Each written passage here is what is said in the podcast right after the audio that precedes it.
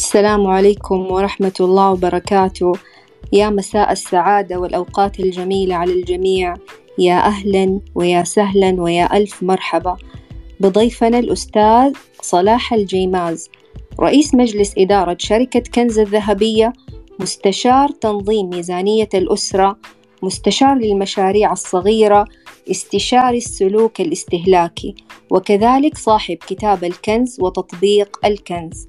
أستاذ صلاح الجيماز يا ألف مرحبا. المايك عندك أستاذي. الشكر والتقدير بارك الله فيك أستاذة. وعلى الدعوة الكريمة وعلى يعني يعني استقطاع هذا الساعة من اليوم المبارك. إن شاء الله في أن نطرح شيء يضيف للإخوان في وقتهم الكريم وإن شاء الله يكون يعني يدعمهم في حياتهم العملية لأن إحنا حواراتنا المالية هي مش عمل يعني مش قضايا دردشة هي قضايا فعلية مؤثرة في حياتنا اليومية. وأدعو الله أن يوفقنا إن شاء الله في كل حرف يا رب.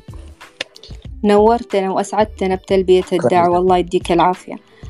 آه الترحيب موصول بالحضور والمستمعين الرائعين يا أهلا ويا سهلا. الله يحييكم ويبارك فيكم.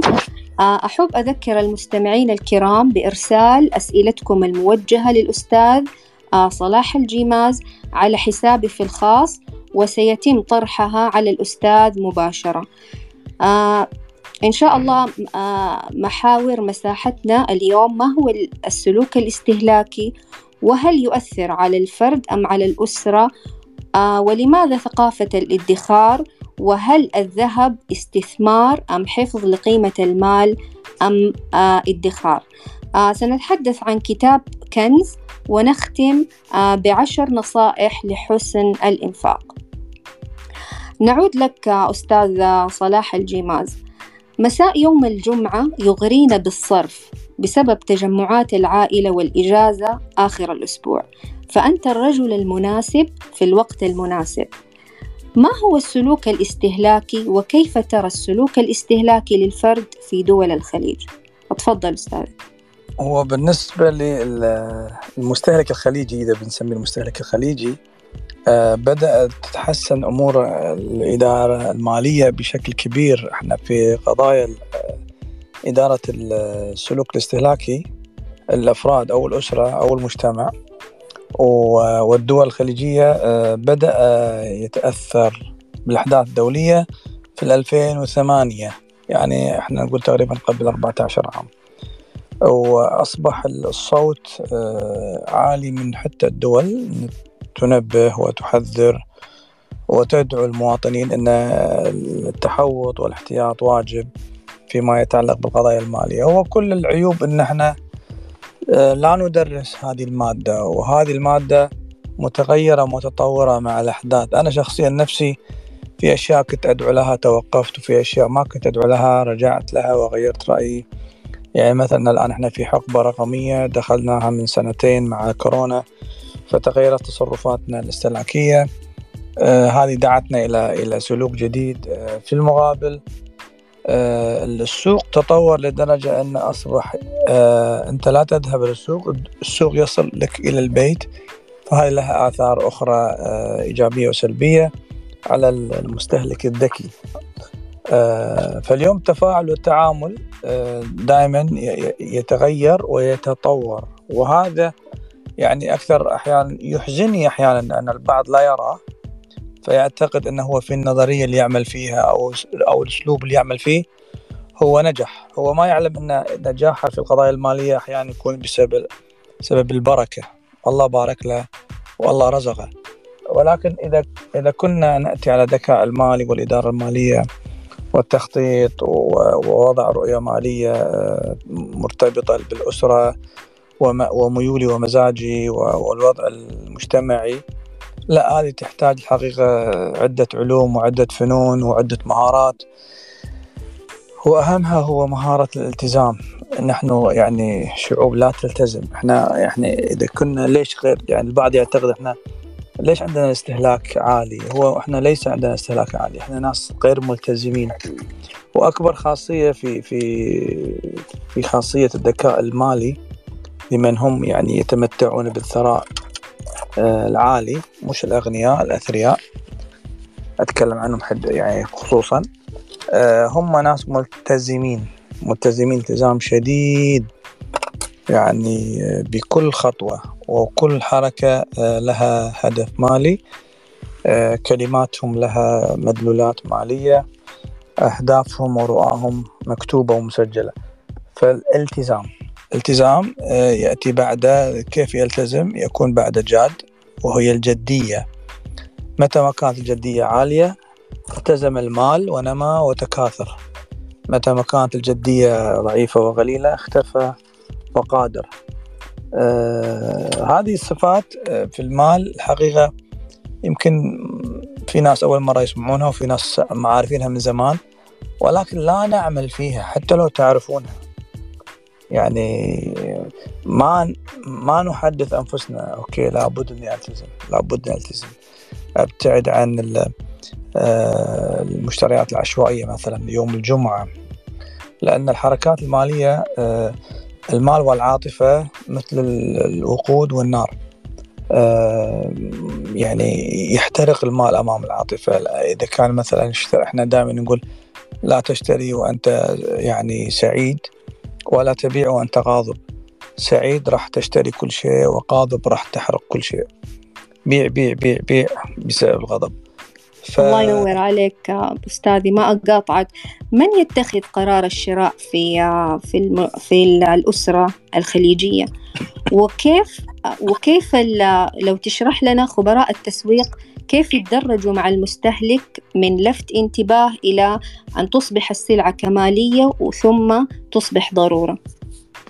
تفضل. الأمر بسيط جدا. الإدارة المالية من يديرها حقيقة هي آه، ما في منصب محدد في, في الأسرة الخليجية. هي أغلب الأسر يكون أمر عشوائي. من يملك الراتب يصرف. آه، والحقيقة يتناسوا أن أن هذا المبلغ هو لرعاية الأسرة والتزام شركة أسرية لها يعني حقوق وواجبات والتزامات وخطة حياة يبون بيت يبون سيارة يبون تعليم يبون طبابة يبون ترفيه يبون سفر يبون أكل يبون لبس. هذا يتطلب أنه يكون الفكر جماعي. يعني اليوم لا يمكن أشتري لي سيارة سرعة وسباق لأن أنا أحب السباق وبعدين أنسى أن عندي أسرة من خمسة أفراد جايب لي سيارة أصلا حتى لا تليق لي اجتماعيا. آه هذا بالنسبة لصانع القرار. وصانع القرار هو يكون أحيانا بالاتفاق بين الأسرة وهذا الأجدر والأفضل والأنسب أن الأسرة تتفق. آه ووضعنا بعض التكتيكات يمكن نتكلم عنها بعد قليل شلون انه يكون هناك حساب اللي هو سميناه حساب البيت أو حساب الأسرة وهو بطاقة إلكترونية يضع فيها يوضع فيها مبلغ. في البداية المصروف الشهري اللي هو مثلا ما إحنا نسميه بالكويت الجمعية مصارف المقاضي. كم والله كم هالأسرة تتكلف شهريا؟ خلينا نفترض الرقم بالدينار الكويتي 300 دينار. يوضع المبلغ في هذه البطاقة والبطاقة هذه رقمها سري غير سري الكل يعرفه. فالكل ينزل ويستخدم هالبطاقة يجيب المقاضي ويجيب أغراض البيت وأغراض المطبخ وكذا. إذا والله عرفنا نسيطر عليها بعدين نبتدي نزيد عليها مصاريف الأولاد نحط عليها برامج ترفيه. فيكبر هذه البطاقة وتصير بطاقة هي مثل آه، رصيد حساب واضح. آه، اليوم الاستعانة بالتكنولوجيا تخلي الغير مدير مدير محترف مالي. هذه أحد التكتيكات الحقيقة. آه، بس وين وين العائق؟ العائق أن بعض السلوكيات عند الشباب أو الأسر يعني إحنا نقول غير سوي اللي هو مثلا يكون مثلا هو مسرف أو عنده طموح أو عنده تصورات أو في عدم اتفاق يعني من بعض الجمل مثلا لما تكون في استشارات آه، فتجيني الأسرة مثلا بصعوبة يجيني الزوج يعني يعني تكون جارة الجر. أو مثلا أسمع كلمات أنت إيش عرفك؟ أنت إيش فهمك في القضايا هذه؟ أنت ما تفهمين في القضايا خليها أنا أفهم فيها وعندي أصدقائي يفهموني يعلموني. فاليوم أستاذ آه، صلاح ما أقاطعك لكن لماذا ثقافة الادخار يعني؟ يعني هل هي ضرورية الآن؟ ليش ما نعيش يعني على البركة؟ ليش ندخر؟ لأن هذا أمر سماوي مش أمر دنيوي. أمر سماوي. اليوم المال في, ال... إحنا نرجع للنهاية. أول شيء راح نحاسب عليه مالك فيما أنفقته. فأنت عندك عملية إنفاق يومي. فالإنفاق هذا في حساب في القبر. هي مش عملية مزاجية يعتقد الشخص راتبي معاشي كيفي. هو في حساب في القبر ستحاسب مالك فيما أنفقته. فراح يفتحون سجل مالي مصاريف. أين صرفت هذا؟ أنا ما أبي أقول راح يعني راح أقول الكل ماله حلال. يعني آه، هنا هذه مش وزارة التجارة لا لا ملائكة راح يفتحوا السجل. هذا وين راح؟ هذا وين راح؟ هذا حولته إيش؟ هذا حلال. هذا إيش حولته؟ إسراف. هذا هذا أمر سماوي مش أمر صلاح الجماز. هذا واحد. اثنين اليوم الاقتصاد آه، وهو الوجه الآخر للسياسة والحياة اليومية هو وقود الحياة. يعني اليوم أنا الدينار إحنا يتحول الدينار والدولار والدرهم والريال يتحول إلى سعادة يتحول إلى علاج يتحول إلى طبابة. فالحفاظ على هذا المصدر آه، أمر آه، يعني أمر مش مش ترفيهي أمر حقيقي. يعني اليوم يعني أنا مرات آه، أفكر على سبيل المثال هذا الموضوع بقوله جانبي ولكن لا علاقة في موضوعنا. أحيانا أرى اللجان الخيرية دائما تطلب تبرعات لمشاريع خيرية. فأستغرب لأن هم يطلبون تبرعات بشكل مستمر. فاليوم لو أجمع الأموال اللي تبرعوا فيها الناس لهذه اللجان القاها مبالغ كبيرة مع العلم إن المبالغ هذه لو تدار في ذراع اقتصادي في اللجان هذه الخيرية طبعا أغلب اللجان الخيرية مش اقتصادية. لتوقف التبرعات وبدأت هذه اللجان أصلا هي تعمل للخير. وهو أفضل مثال هو يعني إحنا عندنا وقف آه، فلهالسبب الاداره المالية هي آه، يعني آه، شيء رئيسي في حياتنا. على سبيل المثال آخر يعني اليوم إحنا دول يعني الروسي اليوم لما حاولوا يحاربونه حاولوا بالاقتصاد. ما راحوا عليه وضربوا عليه قنابل. سكروا عليه بس المبالغ والآن يفاوضون على هالموضوع. فالقضية الاقتصادية اليوم إذا ما كانت ناجحة آه، ستكون هناك أمراض أمراض اقتصادية. الأمراض الاقتصادية خطيرة جدا. إذا ما كانت الأسرة آه، والرباط المقدس هذا آه، حقيقي يرعى ماله لأنه راح يدخل الفساد راح يدخل الرشوة راح يدخل الكذب راح يدخل أمراض أمراض خطيرة جدا جدا جدا. إذا كان هناك عدم استقرار مالي في هذا الكيان الأسري. أنا إن شاء الله أجبت على السؤال بس وأطلت أكيد فيه شوية أكيد. الله ينور عليك يا رب. والآن وصلنا لل طبعا السؤال ال... الذي ينتظره الجميع. هل الذهب استثمار أم حفظ لقيمة المال أم ادخار؟ في البداية شوفي عشان أجاوب على السؤال حقيقة وهذا سؤال أسأل فيه كل يوم. أول شيء لازم نعترف أن الذهب هو إعجاز سماوي. إعجاز في الأرض هو قطعة معدنية آه وضع عليها الزكاة بتشريع سماوي فأصبحت أموال خليقة وأصبحت أثمان وليس معدن. والمعدن هذا نادر و ولا يعتمد على شيء تماما وتزداد قيمته فهو أصل أصل من الدرجة الأولى. هذا وش من أهم مميزاته وأكبرها هو حافظ للثروات. آه الاقتصاديين لا يرون استثمار ولكن لازم نكمل الشرح. هو ليس استثمارا للمضاربات هو طبيعته حافظ. والحفظ هذا له أسباب أخرى. يعني اليوم لا يمكن تدخلين في قضايا ربوية مع الذهب لأنه شرع ووضعت الأطر. فاليوم نجد الذهب حافظ وحفظه عالي جدا وذو حساسية رهيبة. يعني أي حدث بالأرض يحدث هذا يتحرك. يعني اليوم إذا صعد إذا صعد الذهب آه، قمنا نتعب يعني نقول أوكي صعد الذهب شوفوا لنا أخبار وين آه، صار إيش. فهو حساس جدا. الاستثمار كل آه، يعني كل استثمار في أصل هو استثمار حقيقي. العقار الأسهم الذهب وإن كانت هناك أصول حديثة الآن رقمية فالذهب هو استثمار وادخار بذات الوقت. يعني كل اللي اشتروا معاي مثلا قبل ست شهور ذهب الآن هم سعيدين.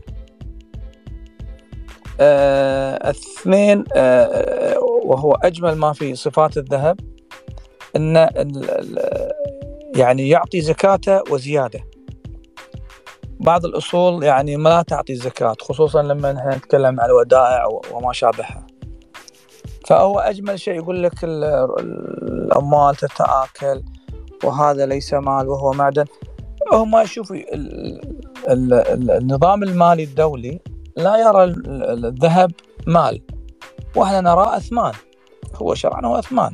وأكبر دليل اليوم لما انقطعوا التعاملات المالية مع بوتين على طول فورا قال أنا أتعامل بالذهب يا إخواني. أنا ما لي علاقة فيكم. أنا صار لي سبع سنوات أجمع بالذهب لهذا اليوم. اليوم اليوم إحنا نتكلم اليوم لما قطعت الكهرباء عن آه تايوان قطعت الكهرباء والإنترنت أصبح لمدة دقائق رعب شديد على عند كل شخص يتعامل بالعملات الرقمية. مين كان أكثر يعني طبعا هو مش سعداء ولكن تعرفين الإنسان لما يكون الإنشورنس عنده حقيقي إنشورنس حقيقي يكون سعيد. آه هم أصحاب الذهب. وفي المقابل وفي المقابل كل إنسان يملك ذهب حر لأن كل شيء ممكن تحويله رقمي إلا الذهب.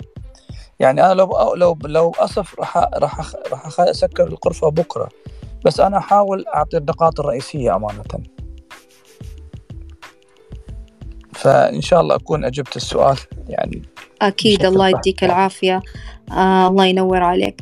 آه أستاذ صلاح الجيماز الآن آه أنا آه يعني بحثت عنك كده في في الإنترنت وعندك مقولات حابة أطرحها عليك وابى أعرف آه أسمع تعليقك آه منها. يلا. يلا. انت آه، أستاذ صلاح الجمازي يقول الذهب حارس مرمى. وأنا دائما كنا نشوف آه، في ملاعب الحي في الحي عندنا الملعب دائما يحطوا اللاعب السمين في في حارس المرمى فهل الذهب هو اللاعب السمين اللي ينحط في كحارس مرمى؟ هو لما كنت أتكلم على الذهب في حارس مرمى دائما أنا أتكلم على الادخار ك لما كنت أخاطب الشباب آه، فكنت أتكلم بلغة اللعب الكرة فالادخار هو نظام دفاعي آه، الادخار وحارس المرمى هو الذهب ويلعب الهجوم هم الاستثمارات أو العمليات التجارية أو الأسهم أو الأصول. آه وهذا كان تشبيه بحيث انه آه جاتنا مرحلة كنت أقول حق الأخوان كافي دفاع لازم يكون عندك جول لازم تجيب جول واحد أساس تحقق الفوز. ففعلا هو هو حارس مرمى ولكن ما ينفع إن تكون كل ثرواتك ذهب وحاط لي حارس مرمى وما عندك جول. فلابد إن إحنا نفهم إن صحيح الذهب هو إعجاز سماوي وهو بوليس التأمين من الدرجة الذهبية الأصلية وهو يعني أصل. ولكن إذا ما عندك استثمارات أخرى تعطي عوائد آه، أعتقد أنت مخطئ في هذه الخطوة لابد يكون عندك آه، استثمارات أخرى إن كانت سندات إن كانت أسهم إن كانت عقار. آه، لأن الذهب إحنا الفعلي أنا أتكلم عن الذهب الفعلي طبعا وكل كلمة راح أقولها عن الذهب الفعلي. أنا ما لي علاقة في ال paper gold ولا لي علاقة في ما يتكلمون فيه الآخرين في أنواع الذهب والأخرى الرقمية. أنا الآن فقط أتكلم في ال physical gold. جميل الله يديك العافية. كمان آه، يقول صلاح صلاح الاستاذ صلاح الجيماز إنه الذهب سند. هو سند؟ سند آه بأكبر دليل آه اليوم آه الأفراد تعتمد على الأخبار واليوم اللي يسمع الخبر ويعتمد الأخبار فهو متأخر في أخذ القرار. فالذهب آه، سند لأن في الطوارئ الناس تلجأ للذهب وأنا أقدر أسمي أكثر من قضية. مثلا أنا شخصيا كنت من أربع خمس شهور في تركيا و وفي وأمام عيني حصل هذا الشيء. كيف الشخص انه آه الأخوان الأتراك تداركوا يعني ثرواتهم بتحويل ليراتهم إلى ذهب والليرة كانت تسقط بالساعات بالدقائق تسقط أمام عينهم. والذهب يعوضهم. كذلك عندي الشاب السوري عندي الشاب في الدول الأخرى في مصر الذهب سند كبير في دول كثيرة يعني بدون يعني أنا مش متحيز لدول معينة لا. ولكن هذه الأحداث الحقيقية اليوم الحرب في ليبيا كانوا أصحاب اللي يملكون الذهب هم سندهم نحن في الكويت أثناء الغزو اللي تمكنوا من الخروج مع الذهب تبعهم استطاعوا أنه يستمرون في حياتهم. آه، أنا تعرفت على أكثر من شخص عراقي آه، وقصصهم مع الذهب كيف إن لما طلعوا وكانوا مخبين الذهب بأشكال وقصص طويلة طبعا أنه كان هو سند يعني. آه، فيتنام هروبها من الحرب في ذاك السنوات مع اليابان. كان يخرج الشخص بقطعة ذهب وتخرج المرأة بقطعتين من الذهب آه وهكذا. يعني ما يركب المركب إلا مقدم قطعة ذهب والمرأة قطعتين آه وهكذا. يعني الذهب هو سند حقيقي. كل ما في الموضوع أنه قيب آخر مئة سنة عن الأفراد بنظام جميل وحقيقي وحدث والناس دخلت البرمجة وشربت البرمجة وتشبعت فيها لدرجة أن أنا أتوقع من أي شخص ممكن يقول يعني أنت مجنون. يعني أنا يعني أحيانا وأنا أتكلم يقول أنت مجنون هذا كلامك خرافات. ولكن آه وليكن ذلك والرأي الآخر مسموع آه ولكن الحقيقة آه، هي غير ذلك. الله ينور عليك يا رب. كذلك من آه، آه، من ما قاله الأستاذ صلاح الجيماز إنه عام عشرين واحد وعشرين عام التخفيضات. ما تعليقك أستاذ. هو الحقيقة كان في عنوان في الأجندة الدولية آه، أجندة 2021 وفي الأجندة 2030 إحنا آه، أجندة القرن اللي هي أجندة 20 فسمي عام 2021 عام الفقر. فأنا ما حبيت يعني لأن إحنا كمسلمين ما ننطق في العبارات هذه يعني إحنا لا لا نبشر بالفقر ولكن هي سمي بعام الفقر عام 1 2021 بسبب الضرائب والتضخم والقلاء الأسعار. آه، أعطيك مثال بسيط اليوم ارتفاع سعر النفط مثلا الخليجيين سعداء فيه جدا ولكن هو نكسة ستكون علينا غريبا بعد ارتفاع أسعار المواد الاساسيه فنفرح بماذا؟ نفرح بماذا؟ هي معادلات معادلات واضحة جدا. أن الغلاء أساسا هو وباء. الغلاء الغلاء وباء الغلاء اللي أنا سميته وباء الغلاء يساوي وباء كورونا عشر أضعاف. وأخطر على, على علينا من الكورونا يعني. كورونا لا علاج. الغلاء ما له علاج الحقيقة. فهو غابل فما بالك إذا هناك تضخم وهناك ضرائب واللي أنا يعني أقولها من باب المودة والمحبة عندنا مثلا آه، ضعف في الإدارة المالية بسبب التأثيرات مش قصورا بسبب يعني الظروف الخارجية أقوى منها. فكان عام 2021 هو عام الفقر اللي سمي بالأجندة أجندة 21 أه وهذا وإحنا ماشيين يعني اليوم يجب أن يحتاط الفرد. أنا يعني مهمتي كانت في رسالتي التوعوية هو الفرد. الحكومات ستعمل بما بما يحميها. الفرد يجب أن يحمي أسرته وهو رسالة كل فرد. كل فرد لابد أن يكون في هذه المهمة. فأنا وضعت الذهب هو الأصل اللي اللي في رسالتي يكون يعطي رسالة حقيقية ذات قيمة صراحة. الله ينور عليك أستاذ صلاح الجيماز ما شاء الله. يعني بتجيبنا إجابات تشفي الصدور. الله يديك العافية. آه طيب أستاذة صلاح كيف نشتري الذهب؟ سبايك ليرات مشغول. آه عندنا عيار 18 24 22 كيف نشتري الذهب؟ وهل ال الف يعني إيش الفرق بين البيع يعني البيع والشراء والمضاربة؟ جميل. هل نعم جميل, تفضل. جميل. الشراء في البداية خلينا نبتدي بالشراء. الشراء الحين إحنا في 2022 رحمة. تكنولوجيا على الرقمية على توصيل يعني رحمة على ذاك الوقت.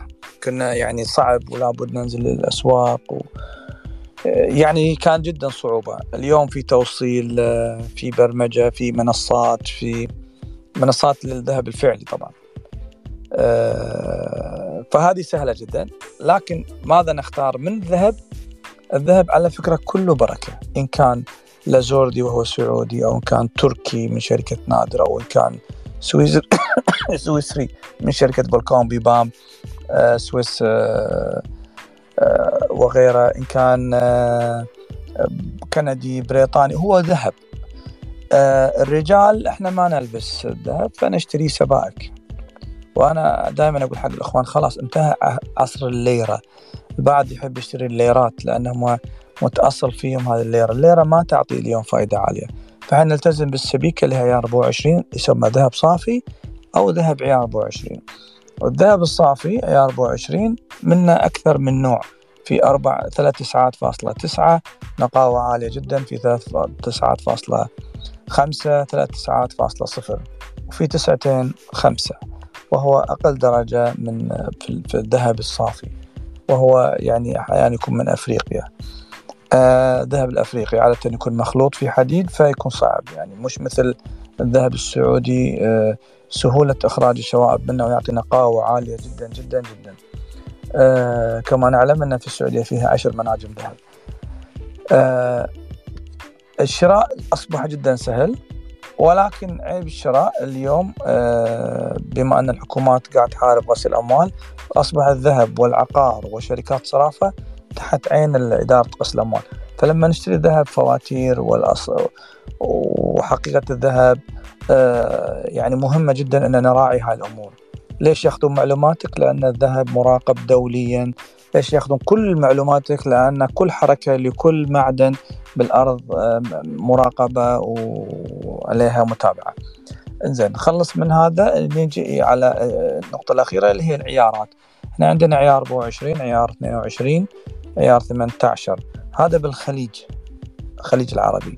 في الدول العربية في عندهم والدول الأخرى عندهم عيار 10 و9 و14 هذا لا هذا لا يعتمدون في الخليج. الخليج قانوننا أقل شيء 18 وما بعد إكسسوار. يعني أنا أروح تركيا وأشتري ذهب عيار 14 تجي الكويت هذا يعتبر إكسسوار. وإذا بعت ذهب فأنت دخلت في جريمة. هذا قش يعتبر. هذا واحد. اثنين الدارج اللي هو العيار 21 الآن بعد سنوات من رفع الوعي للجمهور 21 أصبح هو الأجمل والأسهل والتكنولوجي اليوم أصبح يعطي تشكيلة للعيار 21 بشكل جمالي. العيار 18 إحنا في مثلا بالكويت إذا قلنا ذهب إيطالي يعني آه، عيار 18 ويكون brand. كارتير شوبارد آه، وهكذا. هذه الذهب براندات وعيار 18 هم يحبوا يعملون 18 لسياسة ثم المالية. آه، الذوق العام للبنات أصبح 21 يميلون الأسيويين يحبون ال 22 ال 22 أقل من 24 تكلفة وقريبا 24 فالهنود والأسيويين والصينيين يعشقون ال 22 إحنا ما نحبه لصفارته صفاره الشديد ما ما ما يؤخذ فيه. يتبقى عندنا الذهب الأبيض. الذهب الأبيض هو ذهب حقيقي ولكن ثقافتنا آه، مش متفاعلة مع الذهب الأبيض وايد وصراحة يخوف يخوف لأنه قريب من الفضة آه، يعطي آه، إذا إذا كان بدون الماس. بعدين الناس تخلط بين البلاتين والذهب الأبيض. إيش يعني البلاتين؟ إيش الذهب الأبيض؟ وفضة فالناس تتحاشاه بشكل يعني كثير. آه، يتبقى في شيء مهم آه، في موضوع البيع والشراء اللي هو السعر. السعر والسعر والسعر. وهذه أكبر مرحلة يعني قاعدين يعني ننزعج فيها كثير بالأسواق ونعيدها كل يوم. سعر البيع ليس نفس سعر الشراء بنفس اللحظة. في في فارق بين سعر البيع وسعر الشراء ما يقارب واحد إلى واحد ونص بالمئة. واحد إلى واحد ونص بالمئة. تشتري بدينار تبيعه ب 900 وخلينا نقول يعني تحت. وهكذا. فليش كذي؟ لا لأن هذا التاجر راح يعمل ربحية. هذا واحد. اثنين سعر البيع اللي على الشاشة ليس نفس هو سعر البيع اللي بالأسواق. أسواق هذا سعر المحلي. تاجر يبي يحول العمله من الدولار بعد الدولار ياخذ فلوس الجمارك بعدين ياخذ نصيبه من الربح. ما يجوز تقول له أنا بسعر نيويورك آه، في سوقنا المحلي. آه، مستحيل. ولا بالأحلام ولا راح تحصل. تشتري من نيويورك وتيني تقول لي أنا أنا شايف سعر نيويورك آه، ألف دينار كذا. أقول لك روح نيويورك حقه جايني هنا. آخر نقطة اللي هو الحلال والحرام. بعض الإخوان يعني جدا متشدد في الدين فيرى أن عملية البيع والشراء آه، آه، تمت فيها خطأ شرعي فيقول لك هذا حرام رجع الذهب. الذهب ما في رجع. الذهب ما في رجع مهما كانت الظروف ما في شيء اسمه رجع. ما لم يكون في عيب مصنعي. الذهب ما يترجع. الذهب لما تاخذه الآن توقع الفاتورة تقول حق البايع برجعه يقول لك أشتري منك الآن. اشتري بيع وشراء دائم. أول شيء هو إذا رجعه احتمال يدخل في قضية مع قسم الأموال وكذلك عندنا آه، ما يصح إنه أصلا يرجعه كيف يرجعه يعني وأنت تتكلم معاه وتتوقع الورق السعر تغير أصلا أصلا تغير. شو ترجع أنت؟ فعندنا مشكلتين هذه كبيرة مع الناس اللي آه، لا تعلم أن الذهب يتحرك سعره ومتغير.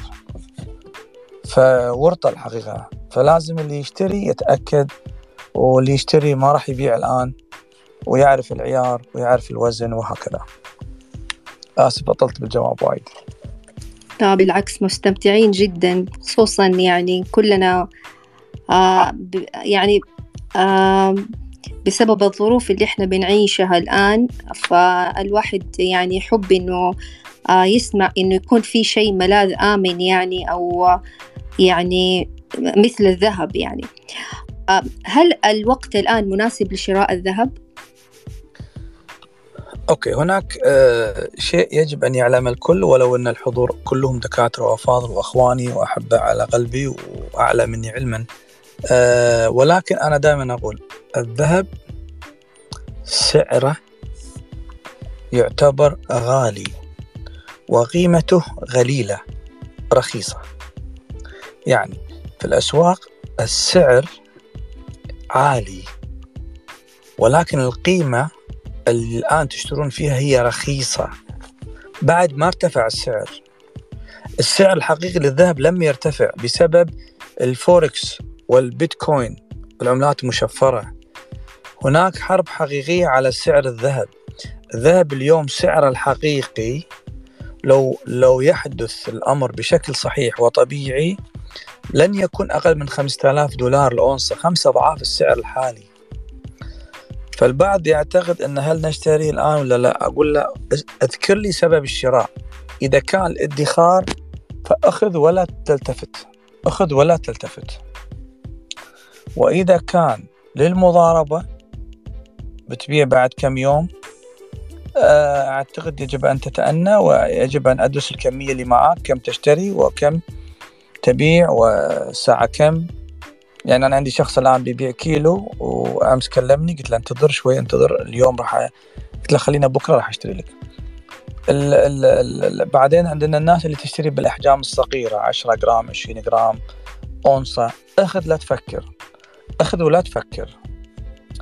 آه، اللي يشترون كيلو كيلوين ثلاثة. آه، التأني جميل. مثلا تشتري كيلو الآن بعد بكرة. لأن راح تحصل فرق جميل فرقية جميلة. آه، حلو أن أنت تعرف أن الذهب لأن عند الشراء الناس تخاف. الناس ما تعلم إن الذهب يتباع بخمس ثواني. أنا أشتري كيلو من يشتري مني؟ يشترونه بخمس ثواني يتباع بخمس ثواني. هو هو نفس إحنا لما إحنا ليش نكون سعداء بالذهب لما يكون أزمات؟ هو تصريفه سريع. غير لما يكون أنا عندي عقار أنا شخصيا أنا عن نفسي أتكلم. عندي عقار ببيعه صار لي سنتين ماني قادر أبيع. ماني قادر أبيع والله. وعندي ذهب قاعد أبيع واشتري بالثانية بالثانية.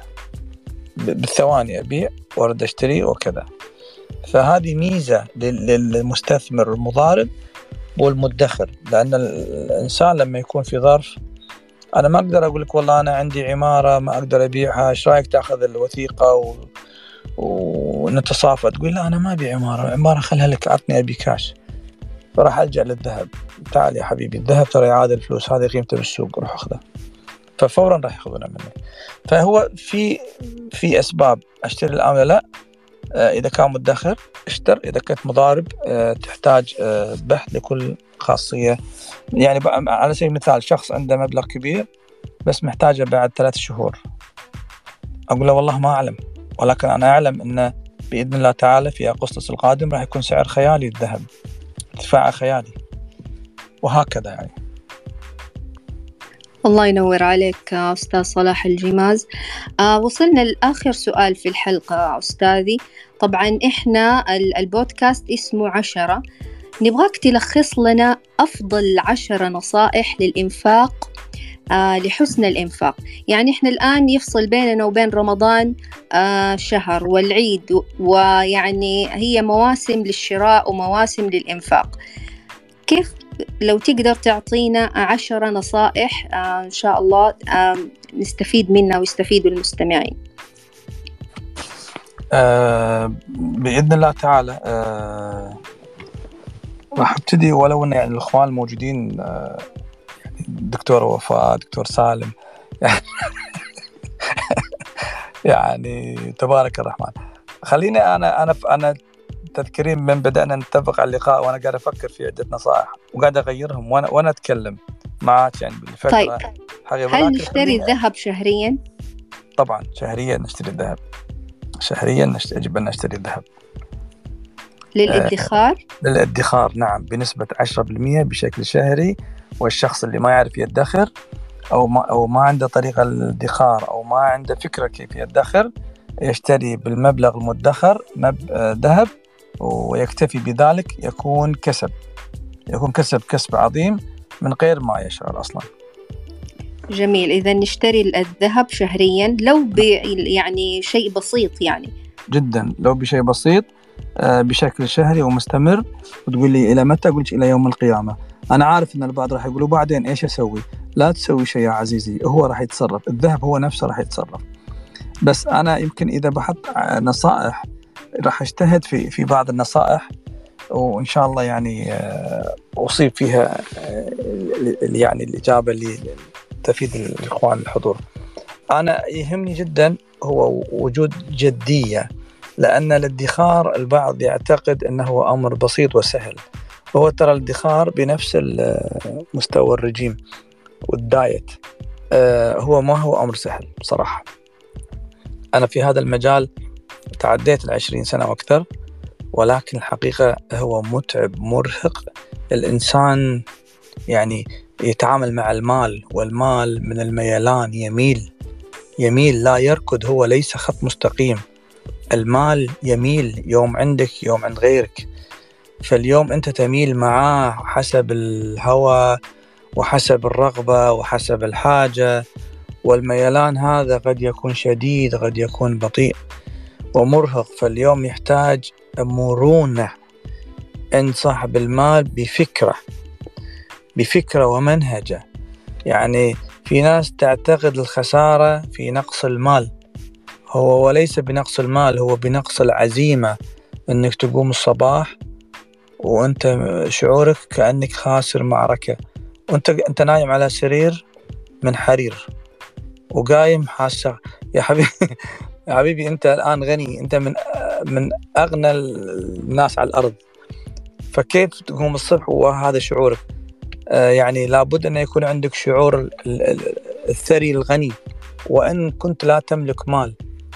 آه، السلوك المالي هو قضية سلوكية وليس رقمية. ليس أرقام. ليس أرقام. يعني ليس بالرصيد.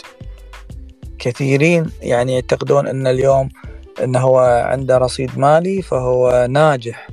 أتحدى كثيرين كم تحتاج يا أخي من المال؟ أوصل لك. فرجيني كيف راح تدير المال؟ آه آه إذا تتكلمون عن الأفراد يمكن راح أتجرأ بشيء بسيط. آه الآن النفط ارتفع. فرجوني كيف راح نستفيد من العائد؟ فاليوم المبلغ الزايد بدون خطة مضيعة. مضيعة آه وجود خطة آه حقيقية. وجود خطة حقيقية يعني مش خيالية.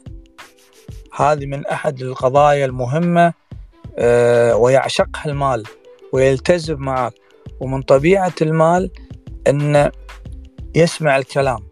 تقول له يعني انصرف ينصرف. تقول له أستثمر يرجع لك مع دينار. تقول له توقف يتوقف ويذوب مع الوقت.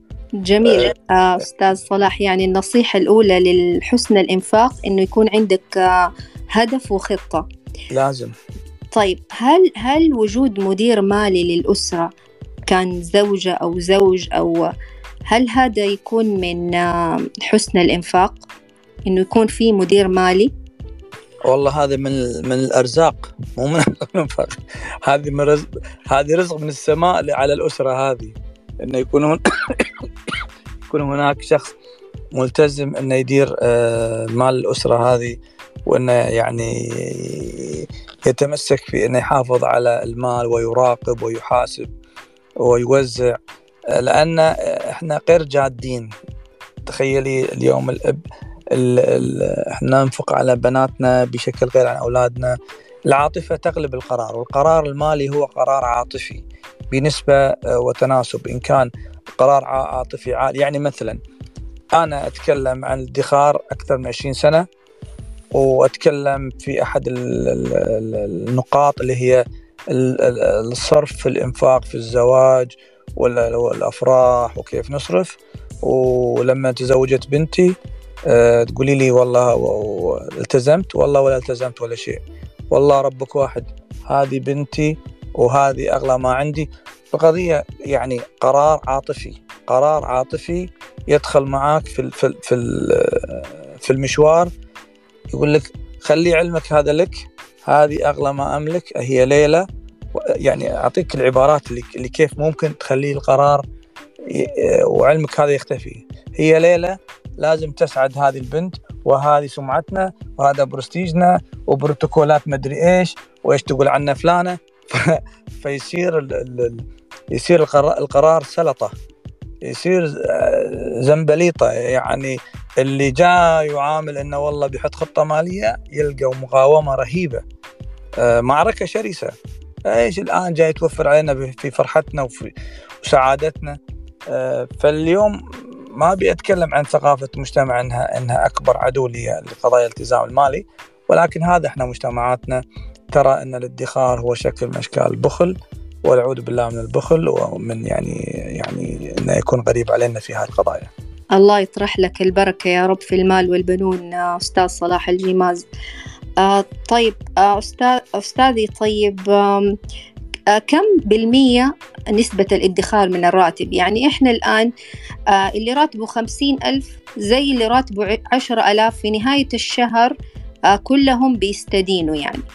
فكيف بننظم إحنا الراتب؟ هو هو موضوع الادخار كان يأتي في السابق في الأيام السابقة لما كنا نتكلم قبل عشر سنوات بسبب أن رواتبنا كان هناك فيها فائض. فائض يعني غير يعني ما لا نعلم فيه أصلا كان فائض يصل أحيانا 17 20% اليوم مع الضرائب مع سرعة صرفنا في الرقمي لا نشعر في المبلغ يروح. يعني أنا لو علي أقول للشخص لا توفر بس أنا أعلمك طريقة المبلغ راح يتراكم. أصرف نقدي لا تصرف تعامل مع فلوس كاش دائما أصرف كاش لا تصرف اونلاين ستكون ثري خلال سنة ونص. ثري والله العظيم. بس يعني لا لا توفروا يا أخوان. أنا أنا أقول لكم لا توفروا.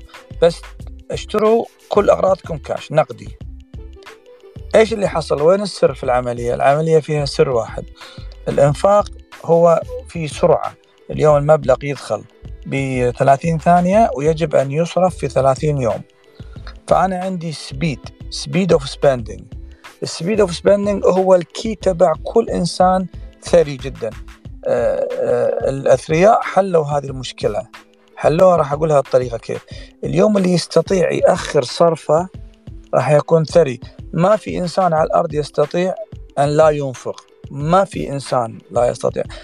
يقول أنا بدخر إلى متى؟ راح تنفق. وكل ما في الموضوع أنت قاعد تعمل slow لل process هذه ال process of الإنفاق. فإيش السر؟ الأثرياء إيش عملوا؟ عملوا إنه يجب أن يكون عنده رصيد رصيد كبير رصيد والرصيد هذا ما ينزل تحته. يعني مثلا يكون عنده مثلا عشرة آلاف ريال أو عشرين ألف ريال وما ينزل تحتها لو تطبق السماء على الأرض. وأي شيء فوقها يصرفه بس بسرعة بطيئة يأجل قرار الصرف هذه آه، مثلا من الاستراتيجيات اللي كنا نتبعها في السابق. لما نأتي على الادخار هو الادخار معروف 10% من من الراتب بشكل مستمر. فيجيني شخص يقول لي ما عندي ادخار أقول له أنت آه، أنت جاي بمرحلة الآن متأخرة. الآن أنت في مرحلة بناء بناء الدخل. يعني لازم تدخل في شيء اسمه سداد ديون. بعدين تستطيع تدخر أنت تدخر على إيش؟ الآن أنت لا يجب أن يكون عندك سداد ديون. سداد ديون اللي هي آه، تطلعني على الصفر. أنت الآن تحت الصفر. فمعظم الناس اللي متلخبطة أمورهم هو تحت الصفر ويفكر مثل اللي فوق الصفر. تقول أنا ماني فاهم عليك. أنت فاهم وضعك ولا لا؟ أنت تحت الصفر. كيف تحت الصفر وأنا راتبي 30 40 ألف؟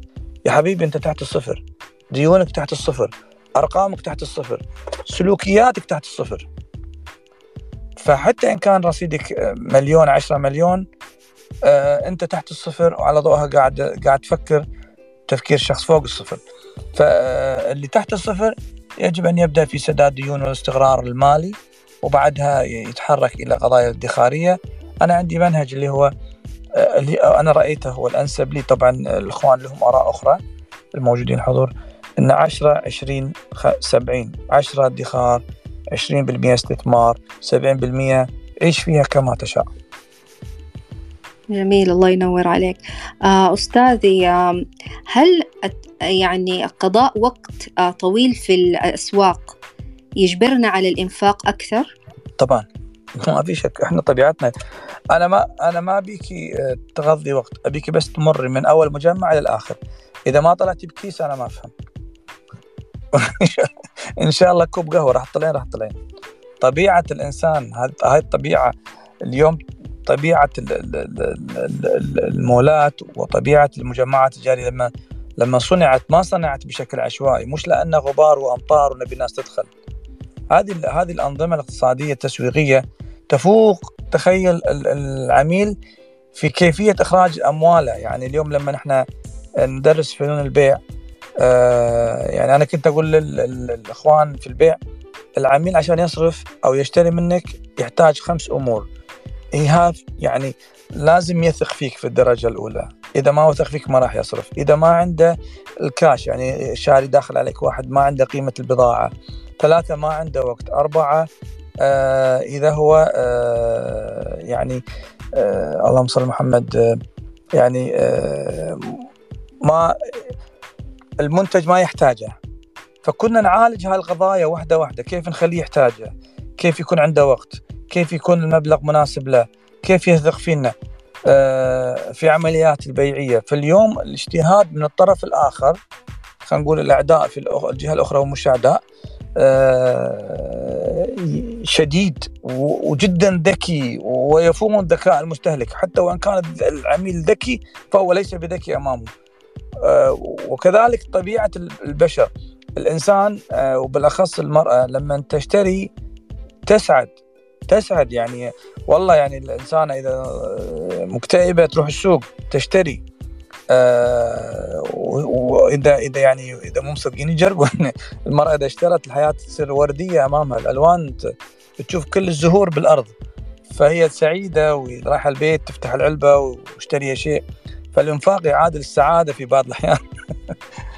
فكيف أنا واحد يدخل بسوق وبعدين يقول لي ما أشتري؟ أقول له ما أعرف والله. أنت أكيد يا صديق صلاح الجماز أو أنك شيء. أستاذي والله ال ال آه كلامك جدا شيق وممتع. الله يديك العافية. لكن الوقت آه داهمنا. آه باقي لنا نقطتين ونختم طبعا يلا. عشرة نصائح أكون سريع. يلا. نعم. أكون سريع. يلا. يلا بس اثنين. هل تعتقد أن الاستقرار الأسري يعني لما يكون الزوج والزوجة مستقرين في العلاقة هل هذا يساعد على حسن الإنفاق؟ آه المقولة كالآتي لا يستقر مال في أسرة غير مستقرة. لا يستقر مال في أسرة غير مستقرة. جميل. آه آخر طبعا نصيحة في حسن الإنفاق كيف ترى يعني إنك تختار الخيار المناسب؟ يعني أنت الآن لما بتنزل تتسوق عندك خيارات آه كيف تختار السعر المعقول يعني؟ بن... شوفي ليس كل رخيص رخيص وليس كل غالي غالي. أحيانا الرخيص يكون مدمر أمانة. فاليوم شرائي فيما أحتاج هو آه، يعتمد على المنتج إذا منتج استهلاكي أو أساسي وهكذا. يعني اليوم آه، خلينا نتكلم بالموضوع الغذاء في ناس تحب تأكل أورجانيك وغالي و... وأكل صحي وبيحافظون على جسمهم وكذا وهم ما يروحون الصالة ولا محافظين على الأكل يأكلون كثير. فتقول له أنت ضيعت آه، يعني أموالك في مال يعني في غذاء وتعتقد إن أنت خلاص الغذاء الصحي هذا. فالعمليات الآن أصبحت جدا معقدة. أه لو ت... لو لو تسألين إنسان ذكي راح يقول لك أنا آكل كل شيء ولكن غليل هذا يعجبني اللي عنده هذا المنهج. فأنا دائما أشوف الناس اللي اللي اللي أموالها تضيع بالأسواق اللي نازل أه إحنا نسميهم امبولس بايرز بشكل عشوائي. إذا دخل الهواء في القرار انتهى المال. إذا دخل الهواء بالقرار انتهى المال. المال يحتاج قرار آه، أمانة آه، وليس كل قرار أنت تفقه فيه. آه، وطبعا أنا أتكلم وكل خجل من الدكاترة الأفاضل الاقتصاديين الموجودين ولكن هم يعلمون ذلك. اليوم قرار اقتصادي والقرار المالي قرار أصبح قائم في التعقيد ولو أن شكله سهل ولكنه قائم في التعقيد. الله ينور عليك أستاذ صلاح الجيماز ويبارك لك يا رب في علمك و... آه، وفي صحتك وعافيتك يا رب. آه، أستاذي رسالتك للمستمعين. آه، قبل نختم. والله رسالتي أنا والله إذا هي رسالة أو نصيحة ما أعرف ولكن أنا دائما الرزق له بابين باب في الأرض وباب في السماء. وباب السماء أوسع وأسهل. والناس تتجه لباب الأرض. وغريب باب الأرض أضيق وأصعب. وباب السماء آه، لا مفتاحين الاستغفار والصلوات على الرسول. بمجرد ما تستغفر يعني وتصلي على الرسول عليه الصلاة والسلام. وإذا تبي تكون يعني يعني وضعك ممتاز آه، صدقة. وأمورك طيبة. الباب الأرض هو يحتاج التخطيط ورأس المال والفكرة التجارية الذكية والفريق العامل. فنصيحتي أو رسالتي آه، اطرقوا البابين. أنا مو شيخ دين والله بس اطرقوا البابين. يعني اليوم اللي تتعب بس ارفع رأسك حبة وافتح باب السماء. آه، سهل جدا. يعني استغفر وصلي على الرسول وطلع صدقة. أمورك طيبة. قلبك يطيب وعقلك يرتاح. وما أعرف الكلام يمكن البعض يمكن يرى يعني قريب شوية. آه شكرا للأستاذ صلاح الجيماز استشاري السلوك الاستهلاكي على تلبية دعوتي. رب يجعل أجر هذا المجلس في ميزان حسناتك آه. أستاذي يا رب. آه شكرا آه للحضور والمستمعين والمشاركين بأسئلتهم الرائعة. آه سبحانك اللهم وبحمدك أشهد أن لا إله إلا أنت أستغفرك وأتوب إليك. آه أستودعتكم الله وفي أمان الله جميعا. شكرا جزيلا.